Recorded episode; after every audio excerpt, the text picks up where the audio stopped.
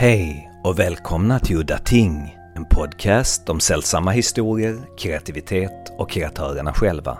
Mitt namn är Henrik Möller, musiken var skapad av Testbild och loggan till podden är gjord av Malmökonstnären Nalechinski.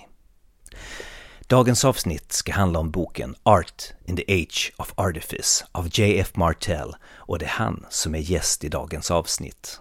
JF driver min favoritpodd Weird Studies tillsammans med sin kollega Phil. Det är djupgående och nyskapande syn på nästan alla verk som jag älskar. Med andra ord, det är varmt rekommenderat. Boken som han har skrivit A Art in the Age of Artifice är det bästa försöket som jag har läst till att definiera vad konst egentligen är. Han börjar med att definiera vad som definitivt inte är konst, det vill säga ett välplanerat syfte är det. Alltså någonting som har ett välplanerat syfte med sitt verk eh, och som går direkt på reptilhjärnan, det vill säga politisk propaganda, porr och reklam. Man ska alltså bli förbannad, arg på någonting, kåt av porren eller sugen på kaffe i reklamen. Det är definitivt inte konst. När han sen börjar gå in på konsten så delar han upp den i två stycken kategorier, klassiker och mästerverk. Ett mästerverk är en finputsat hantverksmässig konstruktion som är gjord efter konstens alla regler. Vad han sen kommer fram till är att en klassiker det är däremot någonting som är en klass för sig själv. Ett verk som är nyskapande, som bryter alla gamla mallar och strukturer, men ändå slår hårt i hjärtat och framkallar känslor. Alltså en klassiker innehåller därmed brister, anomalier som särskiljer den från mästerverket som är finputsat och perfekt. Jag tycker det är väldigt bra och sant. Men jag ska inte snacka så mycket för JF ska själv få berätta om det här och han gör det mycket bättre än jag. Och nu dyker vi rakt in i intervjun med JF Martell. Varsågoda. So, what is creativity to you? Oh God, you started with it's a doozy to start with. Um, you know, J.R.R. Tolkien wrote a wonderful essay called "On Fairy Stories" that I always go back to because in that essay, Tolkien talks about creativity in, in terms of sub creation. So we tend in our culture because of the influence of romanticism and uh, you know the individualistic kind of orientation of western culture in general over the last few centuries we tend to see creativity as a kind of promethean um, almost kind of luciferian kind of like uh, uh, uh act you know of um, of origination on the part of the creator but Tolkien encourages us to see it more in terms of participation. Like to be creative, to create is to participate in an ongoing creation that far exceeds, you know, the capacities of human beings. And so I tend to see creativity as uh, a, an act of participation, um, a way in which we take part in a creation that's more cosmic than it is uh, simply i don't know aesthetic or artistic it's like part of a, a bigger thing. So the question then becomes what is art? How do you define it in the book? Or, or as you do in the beginning when you start with defining what it is not? Absolutely. So um well the book the book i wrote is called reclaiming art in the age of artifice. So right in the title you have a dichotomy that i'm trying to uh, put forward uh, in terms of how we think about about the aesthetic in general and art in our culture and our societies. So the um, the argument essentially is that art is not something that humans own. It's not something. It's not a human contrivance. Art is the name we give to something humans do in much the same way as bees make honey or um, you know uh, silkworms make silk. Uh, there's something in us that wants to give form to images, um, that wants to materialize emotion, vision in the world. And um, this, to me, is the or- the origin of what we call art, but also what we call religion, what we call magic, all kinds of um, uh, traditions that have you know evolved over time in human societies. And uh, at the time I wrote the book, I was working in the Canadian film industry, and I was seeing what many many of my peers were also seeing, which is a uh, tremendous amount of pressure put on artists to write, direct, act, create to a specific template, a specific idea or formula of what works. And that even applied in art film uh, circles, right? Like there's a way to make an art film, there's a way to make a commercial film, there's a, a, a structure to a screenplay. And um, I'm sorry if there's if that noise is if you can hear it. There's some okay. Okay, good. Zoom is taking care of it. There's some landscaping going on here that I didn't foresee. So um the uh where was I? Yeah. So uh, this this um the, the the commodification of art and the um the sub subsumption of art in like the, the kind of techno capitalist system that operates you know around us um made it necessary i think for me to think about what we mean by art and that's how i came to this definition that I just gave you, which is that art is not something that is um, simply reducible to a, like a human innovation or a human invention. That it's something much there's something much deeper going on. So I wanted to differentiate or distinguish what I thought art was from the sort of purposes that art gets put to in a society like our own and in many societies and that gave me artifice. And I leaned heavily here on um, a, just a short section of uh, James Joyce's book, uh, "The Portrait of the Artist as a Young Man," where the young James Joyce, or Stephen Dedalus, the character in the book, who's an alter ego for James Joyce, um, puts forward his his reimagining of Thomas Aquinas's theory of art. So his interpretation of a Thomistic uh, theory of art, where essentially um, he the argument is that uh, there's good art and bad art. Bad art is art that comes with its own interpretation. That's my own way of putting it. In other words, in other words, bad art makes you move. Real art moves you. You know, when you say I've been very moved by this film, uh, when you're moved by something, there's no action that follows from that. You're simply stilled. You're moved. You're affected. You're called into uh, uh, the the the the kind of world of the artwork. Whereas artifice or bad art, what it aims at is to make you move, to make you do something, to make you think something.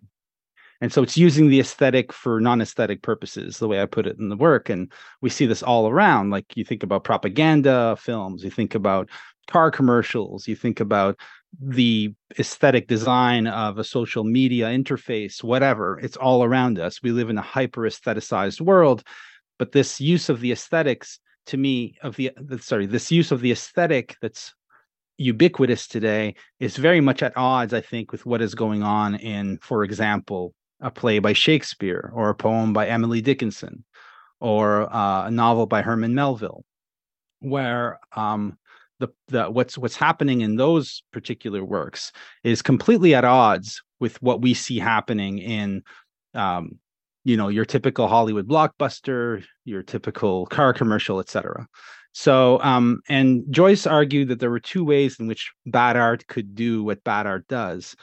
Um, one is to present the object in order to provoke a feeling of repulsion in the viewer, uh, to tell the viewer what to hate, what to fear, what to avoid. And this he called didactic art. So that would include propaganda, for example. That'd be the best example of it. Uh, and then he argued that bad art can also be bad in the sense that it um, provokes emotions of attraction in in uh, the viewer or in the the percipient. So an example of that is the ultimate example is pornography, where the aesthetic object is presented in such a way as to occasion one single emotion, which would be attraction, lust, or whatever. And so everything is designed with a purpose to um, making the percipient feel the same, the, the one thing. And the goal, and that's bad art, as Joyce calls it, I call artifice. And the goal of artifice is always the same. It's to make everyone feel or think the same thing. That's why in Hollywood they had they have focus groups and scenes which occasion conflicting emotions in people tend to be ironed out of the films so that we know that at this point at minute 22 in the film everybody's feeling this at minute 65 everyone's feeling that and we stick to that and we we we want to basically appeal to a common denominator which the viewers are invited to become during the film. And um doesn't matter if they have a phd or if they're really into matisse or whatever for them eh, as insofar as they're participating in this aesthetic experience of watching i don't know michael bay's latest movie everyone's going to be feeling the same thing. Everyone will be the same person. Whereas art think again about something like i don't know shakespeare's macbeth elicits conflicting singularized individual emotions in everyone. In fact it will the conflicting emotions can coexist in the same person or can can can come into conflict in the same person. We don't know what to think. We don't know exactly what to feel because the artwork is presenting us with what is essentially a mystery. It is calling us back to the fundamental mystery of being as opposed to making us believe that being has been so figured out that we are perfectly in our rights to judge it and to decide what's right what's wrong in light of that totalizing knowledge which we naturally have. Well, let, let me just tell a story. I had a very cynical uh, film professor, uh, and he consciously contrived a film uh, that was supposed to be art, uh, or he tried to fool the French art critics. He showed it in France, and what he did was that he used specific methods that were supposed to uh, uh trigger uh, uh, artistic ideas in the in the in the minds of the critics. For example, he, he used a, a recurring recurring words and recurring pictures at certain times and recurring sounds. For example, in a scene, he he put uh, a an alarm bell that went off in in the background in different scenes, and at the end of the film, he had a guy smash the uh, alarm clock with a hammer in close up, and uh, and he made a big thing about laughing about ah, and then the old uh, French film critics were scratching their beards, and they thought there was something to it, and we, it's just bullshit. The thing is here now, could this still be art? Well, of course. The thing is that um, your cynical professor was assuming that he understood um, what a film was uh, and what an alarm bell is. So, what's an alarm clock? What does it mean? It's a symbol. You put it on the screen, and then you laugh because you didn't have any intention putting it in. You just put it in there to trick the the French critics who will try to find meaning in it. But they're doing their job, the fact that you had no per- you i'm using this abstract you here. The fact that you had no reason to put that in doesn't mean that there wasn't a reason to put that in. And this is the first thing is that art is art insofar as it betrays its creator. Um, this is why uh, political art fails every time insofar as it's art. Uh, it's that it will always always show uh, that your ideological um, convictions are insufficient. Um, a, a, great example of this is the one I always mention is Dostoevsky, right? Um, Dostoevsky's Brothers Karamazov, which is, uh, of course, Dostoevsky was a fervent Christian, but he was also a very conflicted Christian, and he allowed the conflictedness of his of his faith to exist in the books, such that they the for example in the Brothers Karamazov, atheism and Christianity coexist in perfect equanimity. Um, and I'm sure that Dostoevsky, as a writer, as an author, has would have wanted to uh, um, uh, make more Christians, like turn readers to his faith. But because he was honest, because he made art, he probably created as many atheists as he did Christians. Um, in the sense that he allows the conflict, the paradox to exist. And um, and insofar as an artist is has real a real gift for finding and framing symbols. We can get to symbols later if you want, but I think that's essentially what art's doing. Uh, insofar as they're doing that, they might go into a project thinking very cynically that they're doing this only for this or that or the other reason, that their purpose is to fool the critics or to assure themselves a measure of immortality, as James Joyce put it when he was describing his motives for writing Finnegans Wake. Um, but insofar as they have real artistic vision, the work will know more, will do more than they intended. So I'm always on the side of the person who trusts that the work is revealing something, uh, whether or not the artist intended it. Okay, I have a question, or rather an example. If I was supposed to make a musical album and I was putting the songs there, one, two, three, four, five, six, seven, and uh, I suddenly came to the conclusion that at song number eight, I need a song that is a sort of a melancholy tune uh, to, uh, to evoke this emotion, then I would go out and purposefully create a melancholy song for that purpose to put it right there on that spot in the album. Would that disqualify it as art? No, absolutely not. No, no, no. Uh, using emotion is essential, and um, but emotions are weird. You know, the other day, uh, Phil Ford, who's my co-host on Weird Studies, uh, and I were talking, and uh, we were talking about the utter boredom of air travel and how how boring airports are and how intentionally boring they are uh, and I think I used the word boring, bored, but I also use the word tedious. And then Phil kind of hung on to that. It's like tedium. And we were talking about the word tedium, um, which Phil said is interesting because it's much more than a subjective emotion. Tedium is not just boredom. Tedium is like an objective fact. Um, tedium is something you you that you're bored when you're in a tedium, but the tedium is an, a real thing out there. So my point here is saying that art doesn't so much convey prefabricated, predigested emotions so much as it creates new feelings, new moods. Mood is another great example because um, I can have a mood. I can be in a bad mood or a good mood, but a room can also have a mood, right? you can say that uh, oh this sunny parlor has a cheerful mood to it mood is also one of those strange liminal terms that includes not just our subjective emotions but also the ambiance the atmosphere of a world and to me when when an, a musician is going about creating a mood what they're actually doing uh, is creating a world a sense of a world a world that feels this way. But unless the, what's the difference between like a bit of music you hear in an elevator which is cheerful and something like i don't know arvo pärt right who's uh, has tremendous mood in his in his in his pieces of music but it's very hard to name what that feeling is what that mood is it's set, certainly an emotion there's certainly a mood and everyone who listens to that music will feel that mood but it's not a mood with a name yet. It's not a mood that's been packaged, understood, conceptualized.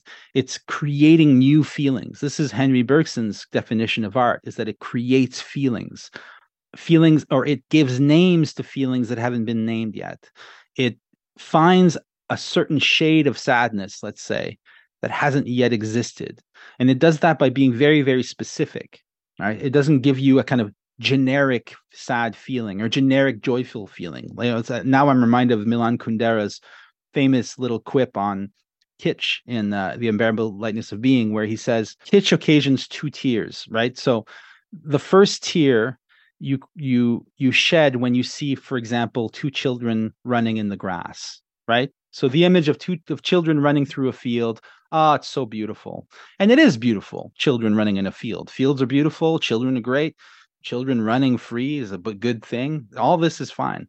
But kitsch comes in with the second tear, which Milan Kundera says you shed when you notice how great it is that you are finding this image of two children running in the field so beautiful.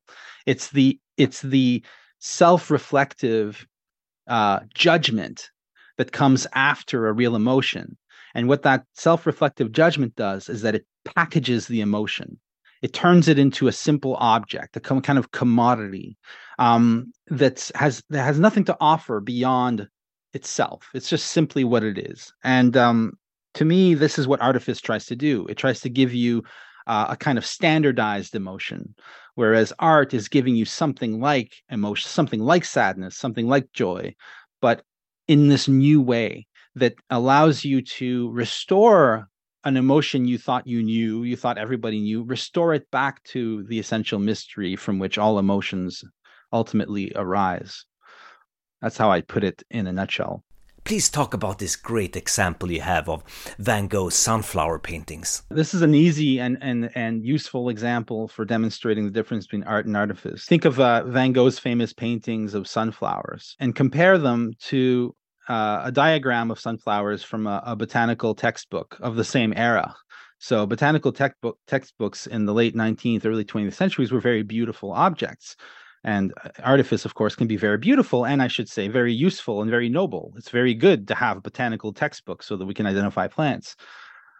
Um, but what makes Van Gogh's sunflowers different from the botanical illustration? What's a perfect example of art versus artifice? When Van Gogh is painting the sunflowers, he is focused on what the medievals called the haecceity of these particular sunflowers. Haecceity is a word in Latin that means thisness. The these sunflowers at this moment, the way they're looking at me, the way their face confronting me.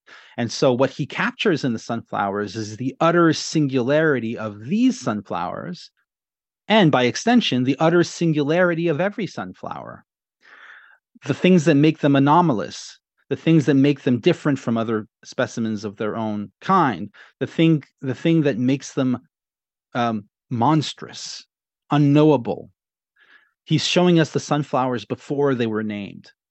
The botanical textbook, on the other hand, is trying to give us the ideal sunflower, the sunflower without any anomalies, without any imperfections, the sunflower as it would appear in like the hyperspace of the Platonic forms, so that we can then identify various imperfect sunflowers out in the world, we can identify them in light in, of this illustration, which gives us the ideal sunflower, which no one will ever find anywhere, just as no one will ever find a perfect sphere in the universe, but only modeled spheres. Artifice, um, and this is I wanted to to emphasize here that I I don't want to, to pass moral judgment on this particular use of artifice. Describing and delineating ideal forms is essential to understanding the world but the botanical illustration is is trying to get at the general trying to get at a general concept that we can then project onto different things in the world the artwork is trying to get at the singularity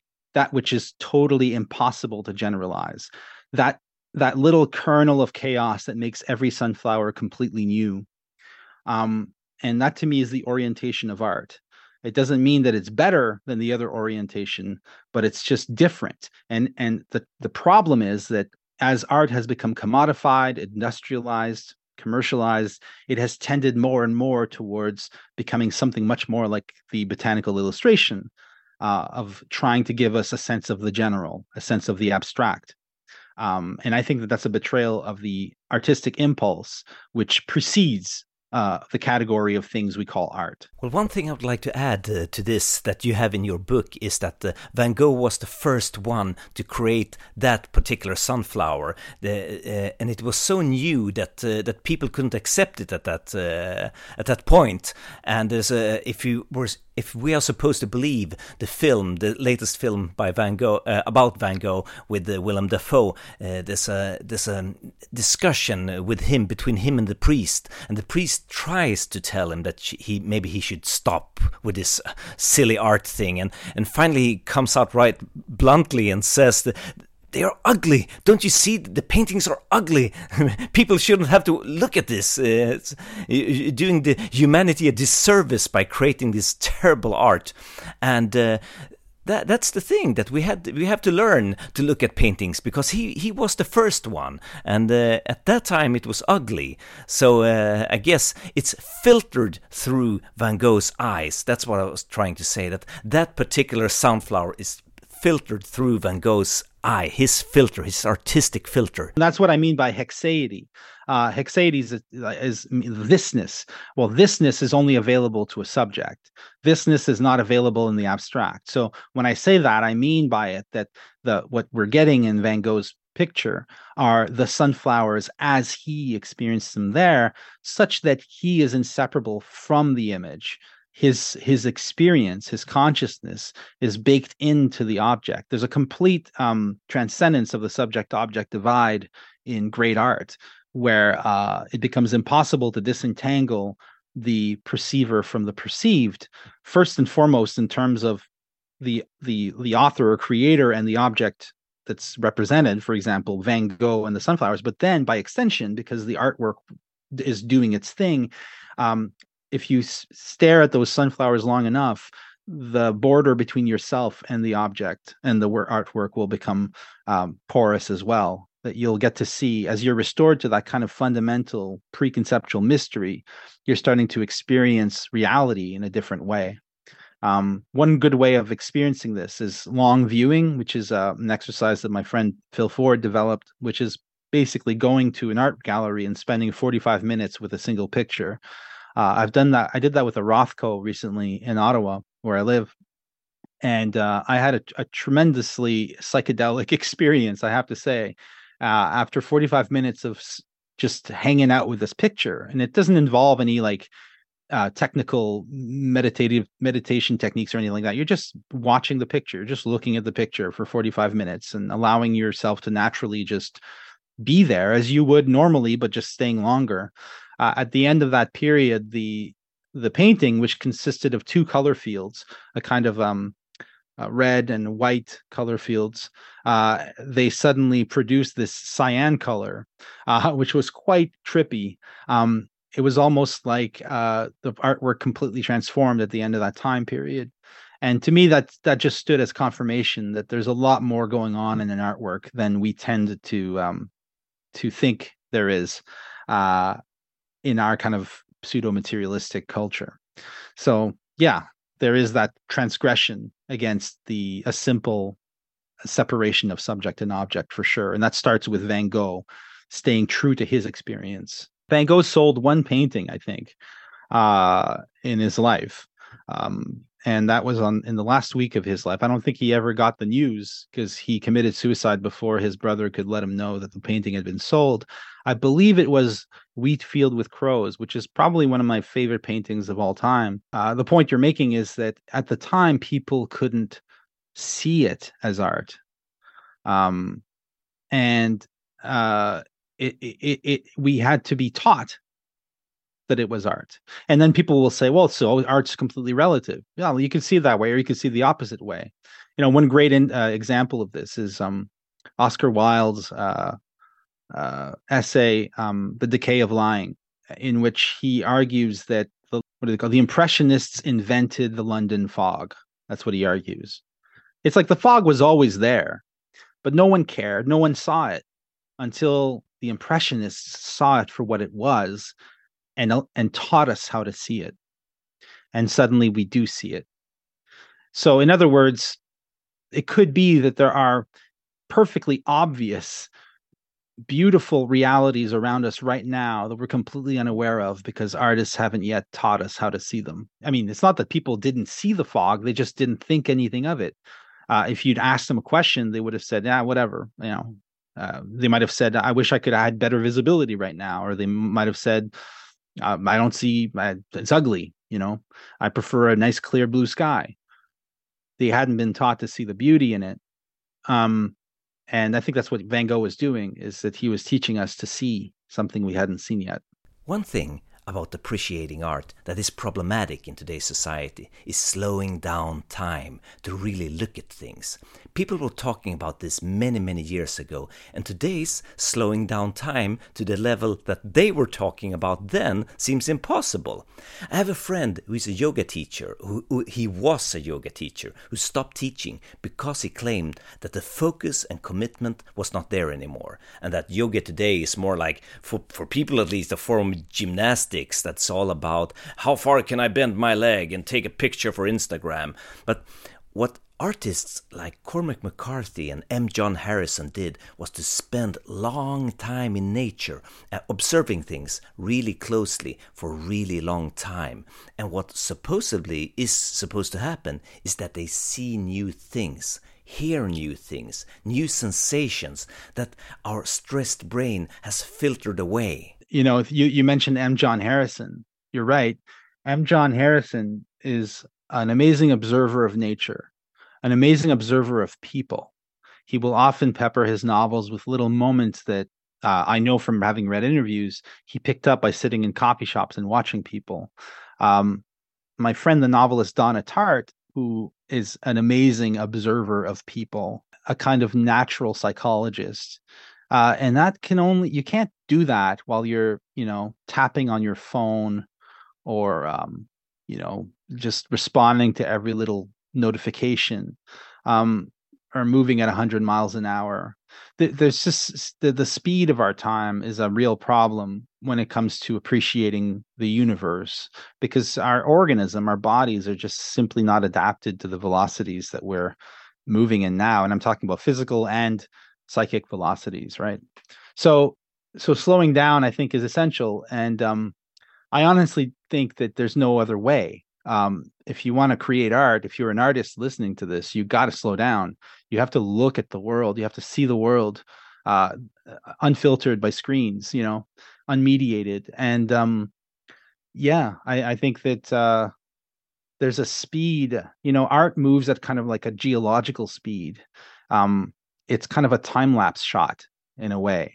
Uh and um and uh the power the the kind of insights it affords us um the insights it gives us into nature into the mind into the soul come from or can only be um uh, are only available to someone who can actually hear the see the, the or receive these insights is what i mean. Um thinking you know thinking uh, people think that art's not about thinking it's about feeling. Well thinking and feeling are very closely connected uh, thinking is very rare today. Um, people fill up their their dead time you know uh, with all kinds of distractions that allow them not to think. Um, i think there was a survey taken at one point it's like somebody told me this that uh, most people would rather get mugged or no would rather receive a mild electric shock than spend you know five minutes alone in a room. So yeah so like the the the thing is that it's it's in solitude that we think. Uh thinking is an interior dialogue. It's something you're doing within yourself. You can't do that with a device in your hand or with someone with you. Um you have to seek solitude and solitude and slowness are inseparable uh, you go somewhere, you find yourself alone. You're at a busy, you're at a cocktail party. People are talking to you, saying hello. You're moving through the room, blah, blah, blah. Suddenly you step out into a portico or into a, a corridor and you're alone. And suddenly look at what happens. Time suddenly slows, everything slows down. Uh, and you can see the speed um, that's still kind of like circulating uh, in the room nearby where all the people are, but you're in this other temporality now. And learning how to inhabit that temporality i think is absolutely essential to creating uh, to creating new feelings new new symbols. Um, it seems to be there that our we can connect with that deeper stratum of thought that is essential to artistic creation. Thinking about M. John Harrison's wonderful novel, The Course of the Heart, uh, the first time I read it, I didn't really get it. I thought this guy doesn't know what he's doing. It's beautifully written, but he doesn't know what he's doing. He, he's, this is just bullshit, uh, like amateur work. He, he's he's all over the place. But then I read an interview with him when he said that um, the weird in a weird story is all about structure. The how you structure a weird story. That's what make what, what makes it weird. And he had a lot spent a lot of time sort of excluding certain pieces uh, and tropes uh, from uh, from classic uh, weird stories uh, in his own work. He tried to eliminate all of the classic tropes and the, and the classic structure of it. Genres and genre structures are essential um, if you want to write a sonnet, um, you're going to have to follow certain rules. If you want to write a classic weird story, um, well, maybe the weird story isn't the best example because it's been experimenting experimenting with structure from the start. But if you want to like a ghost story, uh, there's nothing wrong, and it's not necessarily artifice, like to put it in my terms, to follow uh, a pre-established tradition, uh, to follow a pre-established struct- structure the, the, the question is always how are you going to reinvent this structure? How are you going to make this the first ghost story in some way? And that should occasion thoughts not just on content and what you're going to put in your story, Um, and thinking about structure is probably the wrong way to start a project, anyways, most of the time, but sometimes maybe not.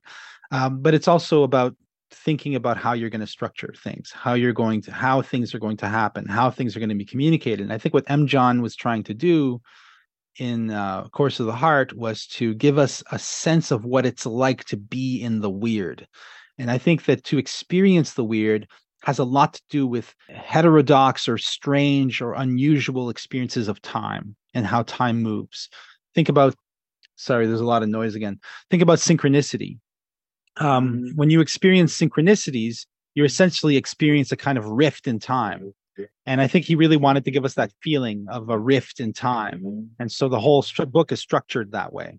In your book, you divide art into two classes masterworks and classics. And a classic has these rifts, as you say, mistakes, uh, imperfections. And my question is really uh, to become a classic, do you really think, uh, to be groundbreaking, do you think it really needs to have rifts? Yes. Yeah, oh, absolutely. Yeah. Great artworks contain what I call rifts, which are uh, moments where the kind of smooth sequencing of cause and effect is interrupted by some weird discontinuity or um, discrepancy or continuity error, quote unquote, uh, which suddenly wakes you up to the. It, it does something very paradoxical. So um, I'm trying to think of a good example. Well, one of the best examples that I can think of is from a film called Michael Clayton, which is a film with George Clooney. Direct, I forget the director's name. He's very good. He wrote some of the. Uh, he's a great screenwriter and he's directed a few films, but this film is really, really good. And I'll let it, let your viewers figure out who the director is. Um, shamefully can't remember. Uh, but Michael Clayton is a story of a fixer, a guy who works for a law firm uh, in a big American city in New York, and um, he is basically called upon to uh, clean up the mess when one of the clients of the firm screws up. Like there's a hit and run at the beginning, and he goes in to like make sure the guy does the right thing and and acts in his own best interest, having committed this crime, etc. So this fixer gets into a lot of trouble in this uh, film with this big um, agri agribusiness company um, and it's kind of a conspiracy thriller. Uh, and throughout the film, he meets the fixer, George Clooney's character, meets with his son, and his son is reading a book called Realm and Conquest, which is a fantasy novel. So we're in a political thriller, but this boy in the movie is reading this fantasy book called Realm and Conquest. And he's talking to his dad about the sufferings and tribulations of this group of rebels against this dark kingdom who are hiding in the woods and fighting this evil power, etc. And at one point, uh, George Clooney's mentor in the film becomes obsessed with this book, finds a copy of of George Clooney's son's book and starts reading it, and he's like, "This is it. This, everything's in here." And he starts. To, and this this mentor is he has a bipolar disorder, so he's going through a kind of manic phase, and he's not thinking straight. As this big legal case as a result, etc. So George Clooney just kind of humors him, but towards the end of the film, at one point, Clooney is trying to basically driving his car, and we know there's a bomb in his car, the car bomb in his car, and these two assassins are going to kill him. And as he's driving down this country road, he suddenly sees these.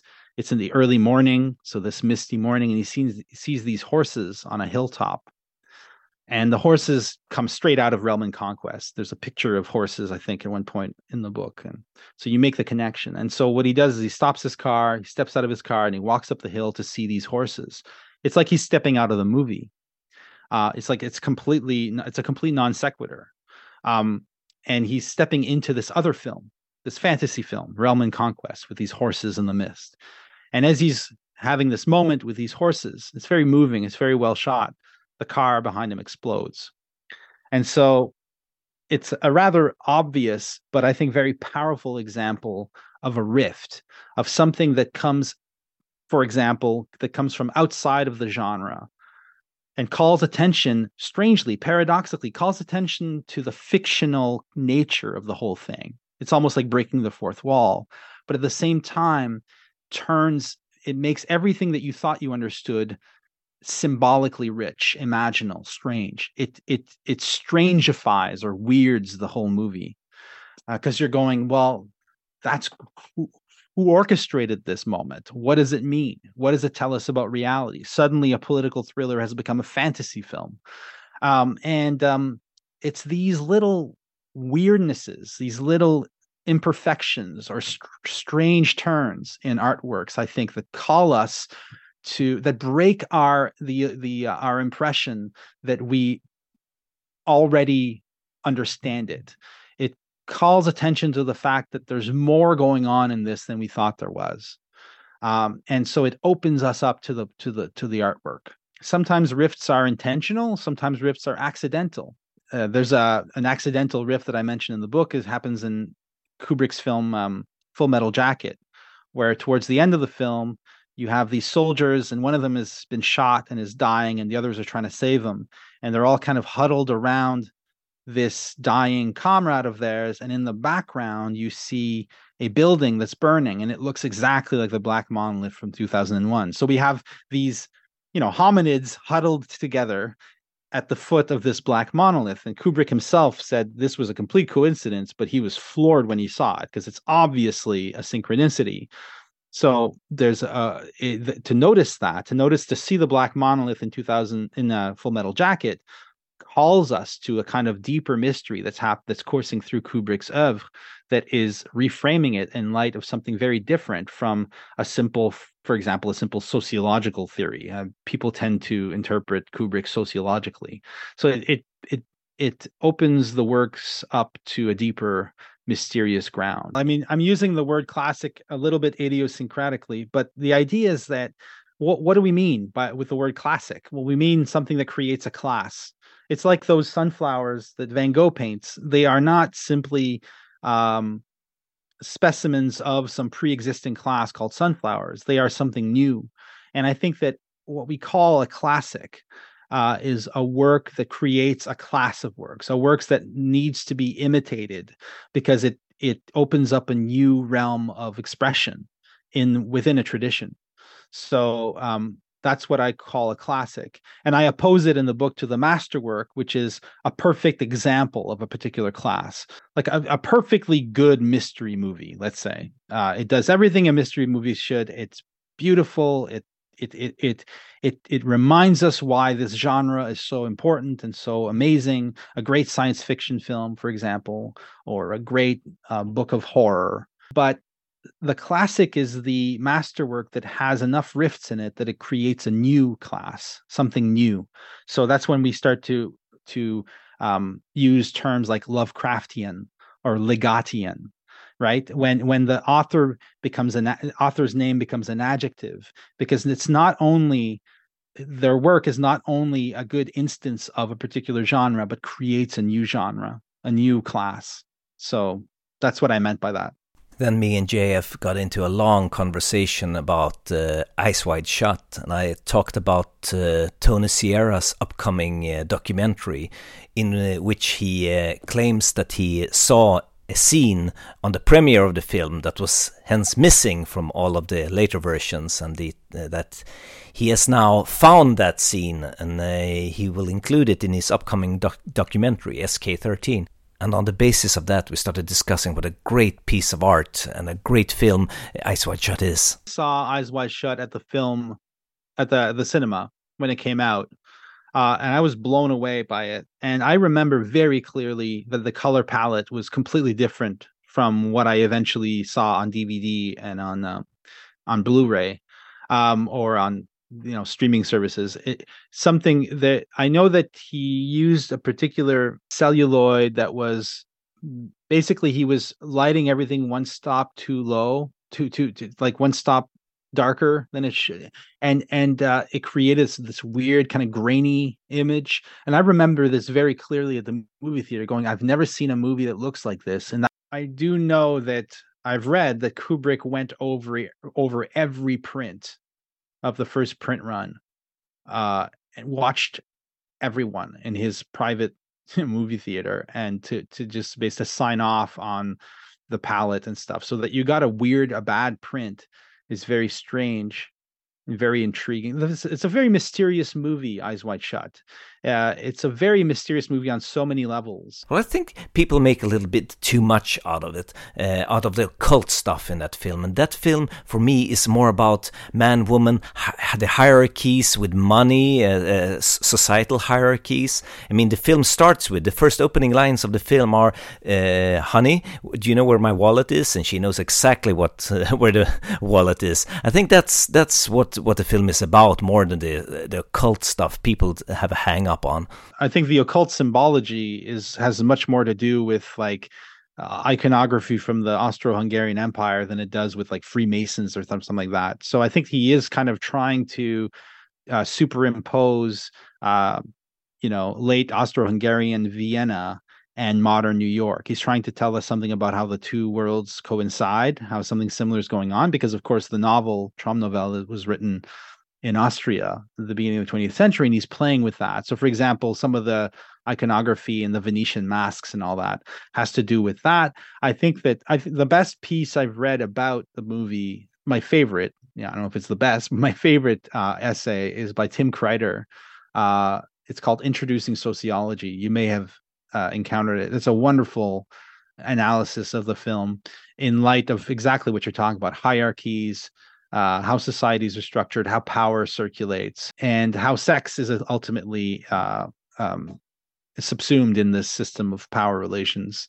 I think that certainly there's something going on in there. But when it comes to like, oh, he's he's like revealing uh, the truth of the Monarch project, um, and how uh, Alice's character is actually like a Manchurian candidate, like she was trained as a kind of like spy and that sort of thing. That yeah, that seems to be reaching a bit.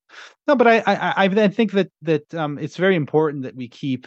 I think one of the problems today is that we've pathologized certain w- ways of interpreting, and I think allowing people to dream about the films that they enjoy is very important. Allowing people to to even come up with uh, to what are to us ridiculous interpretations is part of what makes what makes art um, so uh, so vital is that it invites uh, wild thinking, um, imaginative thinking, thinking on a level with the film. Um, so I don't have a particular problem with that sort of interpretation as long as it's done with a light touch. And granted, I admit that um, there's certain there's certain ways of interpreting film that tend to pull you down into some rabbit holes that people would probably be best advised to stay out of. But at the same time, I just think that um, art is so strange that uh, we have to be keep a very open mind when it comes to what sort of criticism and analysis we're willing to allow. We have to allow people to see what they see and to say what they to talk about what they see. I think that's part of what makes art so magical. I read an interesting analysis of the novel, uh, Traumnovelle, Dream Novel, by Arthur Schnitzler, and uh, in that novel, what it is is that the two characters, the man and the woman, is sort of two parts of the same psyche, and that uh, sort of explains a lot of the things. When he goes to the masked ball, she has a dream of the masked ball, and Kubrick puts that in the film as well. I think that that's a valid interpretation. In fact, I think that's essentially what is going on in the novel. Uh, Arthur Schnitzler was a devotee of Freud, and so Freud, uh, for instance, Freud interpreted Macbeth as being exactly structured exactly as you describe it. He said that Macbeth, uh, Macbeth and Lady Macbeth are one psyche, fragmented psyche, and what we're seeing in Macbeth is this psyche unraveling. Um, and uh, I think that something very similar is going on in Eyes Wide Shut. Uh, now the question is, the danger is, and this is the danger with conspiracy theories of film, it's also the danger with psychological theories of film, is that you end up thinking you've cracked it, you've solved it. Uh, and you uh, you subordinate the film to a particular psychological theory, a particular political theory, and that's always um, missing the point. I think, which is that film doesn't operate in the realm of the actual uh, film, like all art, operates in the realm of the possible. It never leaves the realm of the possible. Art is about showing us what's possible. It's not about telling us what's actual. And so that's why it allows for multiple lines of interpretation. That's why it's so multivalent and allows for so many different ways of appreciating it. Um, the point is to m- remind us that much more is possible than we thought. That's the point. It it opens up the possible. And it does that by creating worlds in which anything can happen and allow us allowing us into those worlds to dream with the artwork. And um and uh, interpretation is always secondary to this primary act of dreaming with the film or as I think it was Fellini put it, dreaming with eyes wide open. as opposed to eyes wide shut. Well, getting back to your book again, in your in your book, you make a very interesting comparison with uh, science. You com- compare art to science. Would you would you talk a little bit about that and elaborate on it? Yeah, yeah. So art is analogous to science in the sense that art is a kind of science. Is called art a science of the sensible. It's very different from what we call science today, but uh, and it, it it has to do exactly with what I was just what I was just talking about with the possible. The metaphysics that undergird this idea, and I that metaphysics wasn't fully developed when I wrote the book. I've been working on that ever since, and I'm about to start. I'm writing about that right now. Uh, is that the possible is not simply an abstract hypothetical kind of category. The possible to me is a real aspect of the real. It's the real. Uh, if you can think of something, that thing, but that thing, whatever it is, could be a unicorn, by virtue of your ability to think it and to think it as existing without you. Because when you imagine a unicorn standing in the forest, you're not imagining yourself as an essential element of what makes it possible. You're just simply imagining something that you've never seen. By virtue of, of its thinkability, an image gives us the possible. The possible is more real than the model of reality that we think dictates what is and isn't possible in our day to day lives, whether that model is common sense or particle physics or whatever. The possible is the womb of reality, it's the center, it's where we go when we dream, it's where we are at every moment when we realize that we don't know what will happen next. It's the fear which I felt um, and it's a fear I've shared with the entire forest. Like when I go, I go pack, backpacking alone. I live in Canada, so there's some beautiful, uh, a lot of nature, and you, you live in Sweden. It's very similar. Uh, I love to go off, go off into the forest and spend time alone.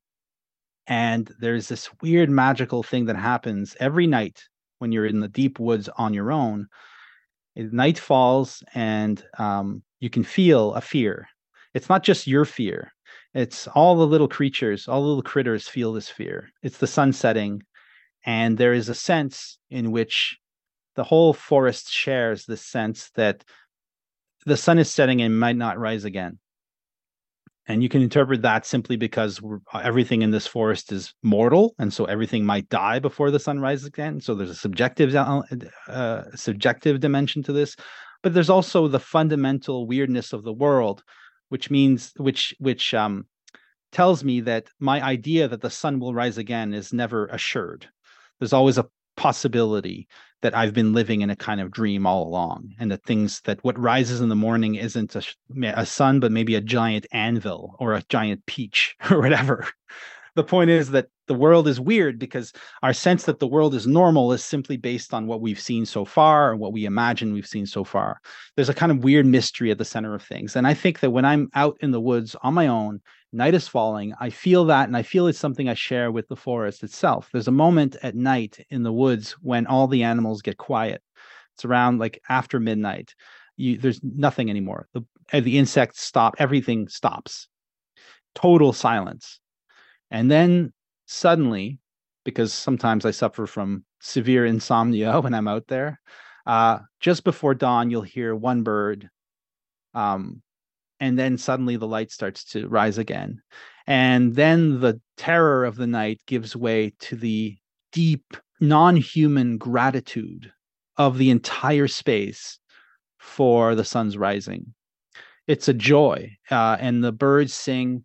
And to me, this is not just uh, psychological affect on my part. It's simply the gratitude that that that that living things feel towards a world that keeps going, a world that can be trusted, um, even though at every moment it gives us every reason not to trust it. All right, so the possible is the zone you enter when you step out of what you think you know uh, about the world. And to me, art is a science insofar as it gives us the possible. It shows us the possible. The possible not as a subjective, abstract, hypothetical mode of thinking, the possible as a real dimension of reality, as an actual dimension of reality. Um, and uh, in that sense, and and and how can why is this a science? What is the utility of that? Well, you know, Mark Fisher, uh, the great uh, Marxist thinker. Uh, this is all this line, this quote, however, has also been attributed to Slavoj Žižek and to Fredric Jameson. I don't know, probably Jameson said it first. It is easier to imagine the end of the world than to imagine the end of capitalism. And all three of these thinkers were Marxists, so they're very committed to the elimination of capitalism because capitalism to me to them means uh, well it just basically is what's going wrong with civilization and so the reign of artifice has made it very difficult for us to access the possible, to think that another world is perfectly possible, to think, to believe that everything could change tomorrow for the better or for the worse. And art is essentially a way of accessing that infinite possibility, which artifice always tries to assure us is just an abstract dream. Um, and so that's why it's more than just opinion or subjective feeling. That's why art is actually a kind of science albeit a very different science from physics or biology, of course. That's the problem with in society today that there is no place for this thing. The children need to educate themselves earlier and earlier. There's less and less aesthetic uh, art art education in school now, and there's more math, math and language, and everything you need to survive in the competition in society today. So there's no there's no no room anymore for uh, for art or artistic expression. That's that's really sad. It's as important as you know, it's like uh, one famous person said, a man cannot live on bre- bread alone. There's bread, there's the circuses, there's artifice, and then there's this other thing, this other thing we need, which is that the mystery, the radical mystery that ensures that no one knows exactly what's going on. It's a humbling thing to recognize the mystery and to recognize the infinite possible. It it reminds us of our place. It puts us in our place and it occasions gratitude and it occasions hope. So I think that art is absolutely essential. You know, I moved cities. My wife and I moved when we had children. We moved from Toronto back to my hometown of Ottawa because there's a school here that has a, it's a public school, but they offer Steiner, you know, a Waldorf uh, education. And the reason I chose that was because it really puts the emphasis on on art, on materiality, on you know, for example, instead of Play-Doh in in kindergarten, they'll use beeswax because you have to warm it and get it soften it. They'll use um uh, watercolors instead of gouache for painting because it's hard and you have to learn how to work with the medium. It's everything in that. I re- I'm not trying to make a pitch here for Waldorf education. I'm just saying that that was an opportunity we had that we seized because we wanted our girls to um, develop a sense of the aesthetic and of the moral aspects of life, uh, not just simply um, go somewhere where where science and tech and math will be crammed down their their, their into their heads um, in order that they be, may become good um, producer consumers you know uh, and and i think that that's very important that we start as early as possible. And i commend you for for being a preschool teacher especially a, a male preschool teacher which i think is it's very important that we have um, both sexes represented in that particular uh, profession. Um, and uh, and I think it's a very very noble thing and I think it's so important. And I know that all teachers are constrained by the dictates of whatever educational system they work within but there's always a, a way of waking them up waking up the students to to the possible to the real magic right? To the weird Well, here Arthur Machen comes to mind. I remember reading something about Arthur Machen that uh, he was very pissed off about the, the church, the, the, the new regime change in the church. That way back, the, cler- the clergy's uh, role was to to help the common man to experience ecstasy in in nature and stuff, to, to find God in nature, like uh, trying to find ecstasy and uh, appreciation in uh, a beautiful sunset. And then the commerce came in and they uh, take the family to church every Sunday and stuff like that that he thought was absolutely crap. He, he was looking for that. I mean, he ended up uh, Anglo Catholic, so going to the high mass there in um in Anglicanism, so to experience something like closer to a Catholic sacrament. And uh, but even there, of course, people tend to reduce things to their own purposes and uses, and to ban- to banalize things. He wanted, he think he thought ecstasy was the goal, and it's true that if you read um, the writings of the saints, mystics, uh, theologians of the Middle Ages, that it very is it very much is about the entire universe being a sacrament, not just what happens on Sunday morning. And I think that uh, Machen was very keen on uh, recognizing what's happening, for example, in a religious ritual, but extending it, seeing it, seeing it as a symbol of what's happening in the whole cosmos. That the whole you know, he talks about reality itself being a sacrament, and not just a uh, a, a, boring, uh, cheerful, uh, you know, Sunday preacher style sacrament, but a sacrament of light and darkness, a very strange thing, a very strange um, uh, symbolic space that is as likely to strike us as beautiful as it as it is to strike us as, as terrible, you know. And um, he was very keen on that, that uh, on, on waking us up to that. And I think once you're woken up to that, I mean, I have a religious practice, and I think it's very I I, I incorporate that into a, a, a kind of sacramental practice, which doesn't stop church. You know, uh, it it's it kind of englobes everything, and I try to I try to stay in that space. So religion is useful once you're an artist. so to speak. And we're all we're all artists. Yeah. Well, it's interesting. I know you're religious, and uh, you uh, you you you have a perspective that uh, religion is art. And maybe if you could talk a little bit about this, because my perspective, uh, uh, where I came from, uh, religion was the opposite of art. religion was made to control people, and sort of a, a textbook of how to keep people in line. And art for me is freedom. I think that it, it's both. I'm a Roman Catholic, so if you remove the art, there's nothing left. Um, there's just nothing left. All that's left is a guy telling you what to do with your life. That's all that's left if you take the art out. And uh, religion does have obviously a social role. Uh, in um, you can say it's controlling people you can say it's ordering a particular polity and creating a society and making a society something other than oh, for example what society was in sweden before um, at one point which was uh, very very violent um, and so I think that religions uh, create conflict, but they also create zones where people can coexist rather peacefully. And they've done that for thousands of years. So today, uh, because we live in a pluralistic society, and I commend that, um, religion has to adapt to this pluralism that we're in. So uh, religion can no longer be about social control. You still have cults, you still have fundamentalism, you still have all the problems uh, that those entail. But to me, what art, what religion is first and foremost is is is an art project. Um, what the Hebrews were doing in the desert uh, when they came up with the the the myths, the stories that we now call we well Christians call the Old Testament.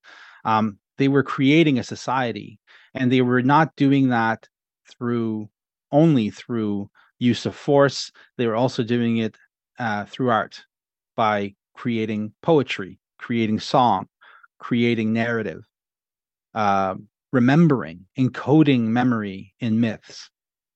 And I think that this is not something that we should uh, uh, flippantly um, put down to social control. I think that's that's it's kind of obscene because um, what are you going to have in its place? You know, I come from I'm a French Canadian, so um, Quebec had a uh, there was a huge upheaval in Quebec in the 1960s called the Quiet Revolution, where people basically en masse just rejected the church for the best of reasons. The church was in, involved, you know, meddling in government, and uh, there was a quasi dictator in power in Quebec at the time who worked very closely with the church to maintain uh, control. And so people kind of threw all that out the window. Uh, and today, um, churches are being converted into massage parlors and condos in Montreal. Uh, now, the price that's been hasn't they haven't even paid the full cost of this. This left a complete vacuum which quickly got filled with ideology and politics and all kinds of nonsense. So it's not like uh, once you freed yourself of religion you're suddenly like free. Um, that's not what it's like. Art is freedom. Art is absolute freedom. But the freedom but art only matters if reality has a sacred dimension uh, I once came up with a story. I've given this one away because I'll never write it because it's too didactic for me. But and I'm not writing much fiction anyways anymore. Uh, it's a story of a a fictional country. Imagine I'm imagining an East Asian country somewhere where there's a poet, and the poet is um, persecuted for his poetry because it uh, doesn't jibe with the ideology of the regime. Uh, and I'm imagining a, an atheistic kind of communist regime and so the poet is helped by his supporters like he's kind of like ushered out of the country and he comes to north america where he continues to write his poetry and becomes a big star. He goes on oprah winfrey or whatever oprah winfrey is these days. He becomes a huge star but at some moment realizes that the reason he can say anything here is because whatever he says doesn't matter.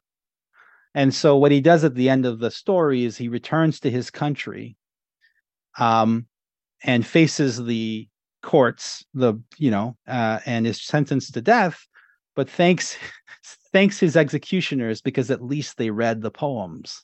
They know that the poems matter. Um, so it's it's it's a silly story but the point is simply saying that freedom of expression only matters if what is being expressed matters.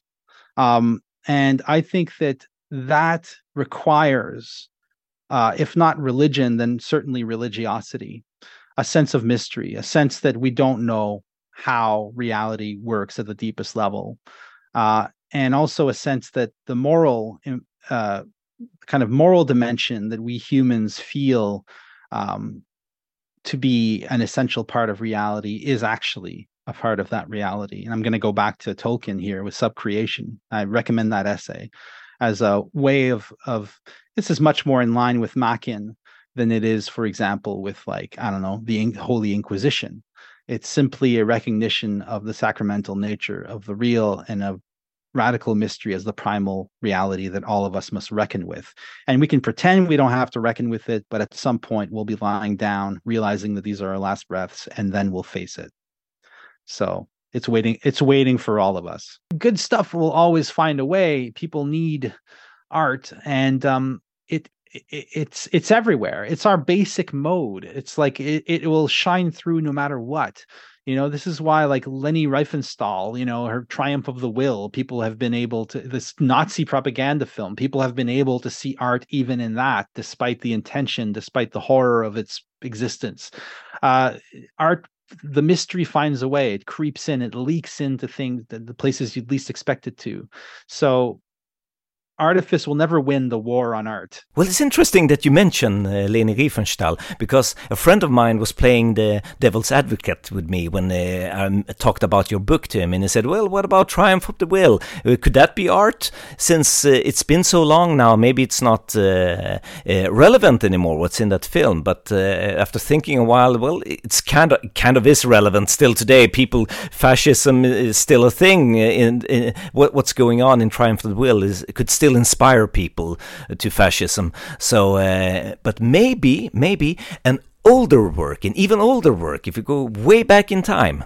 Well, think about uh, the Romantics uh, in the early 19th century and medieval architecture, right? So they started to, yeah, it's a bit like uh, Oscar Wilde and the London Fog. Uh, people had been walking by these ancient ruined castles without noticing them for generations at that point in the eight in the middle of the 18th century nobody cared about some you know a, a, a bunch of medieval rubble on the hilltop. But suddenly the romantics start to see these ruins as beautiful. And what were these ruins? They were the ruins of military installations. A castle in the middle ages wasn't a fairy tale place where princesses lived.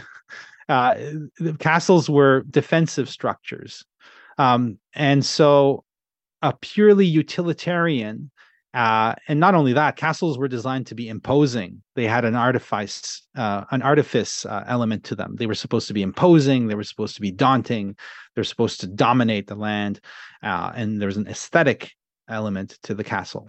But the Romantics, once that entire order was gone, and the castles are falling into ruin, suddenly the artifice gives way to art again because art and nature are the same thing and so art swallows up artifice in time. And as its utility is, is expended as the castle ceases to have any type of aesthetic use in terms of controlling or ordering society it then becomes beautiful again. It becomes available to artistic vision. And so the romantics begin to write gothic tales about these places and to find all the the the beauty and depth in these images in these in these structures um, which were once purely utilitarian. So i think that that happens with propaganda films. Um, it happens with everything in time. And uh, that's scary because you don't want it's hard to imagine 200 years from now that people will be like praising triumph of the will. But at that point hopefully we'll have metabolized enough uh, to be able to um, know what that means, know what the difference between art and artifice. Yes, and those will be the final words for today. And JF wants to tell all of you listeners that uh, an audiobook version is coming out in the near future of his book Art in the Age of Artifice please, before that, pick up the book and read it. It's fantastic. If you have any interest in art, you should read this book. This is the best book on the subject that I've ever read, and probably will ever read. And with those words, I say goodbye. Hej då, mitt namn var Henrik Möller, musiken var skapad av Testbild.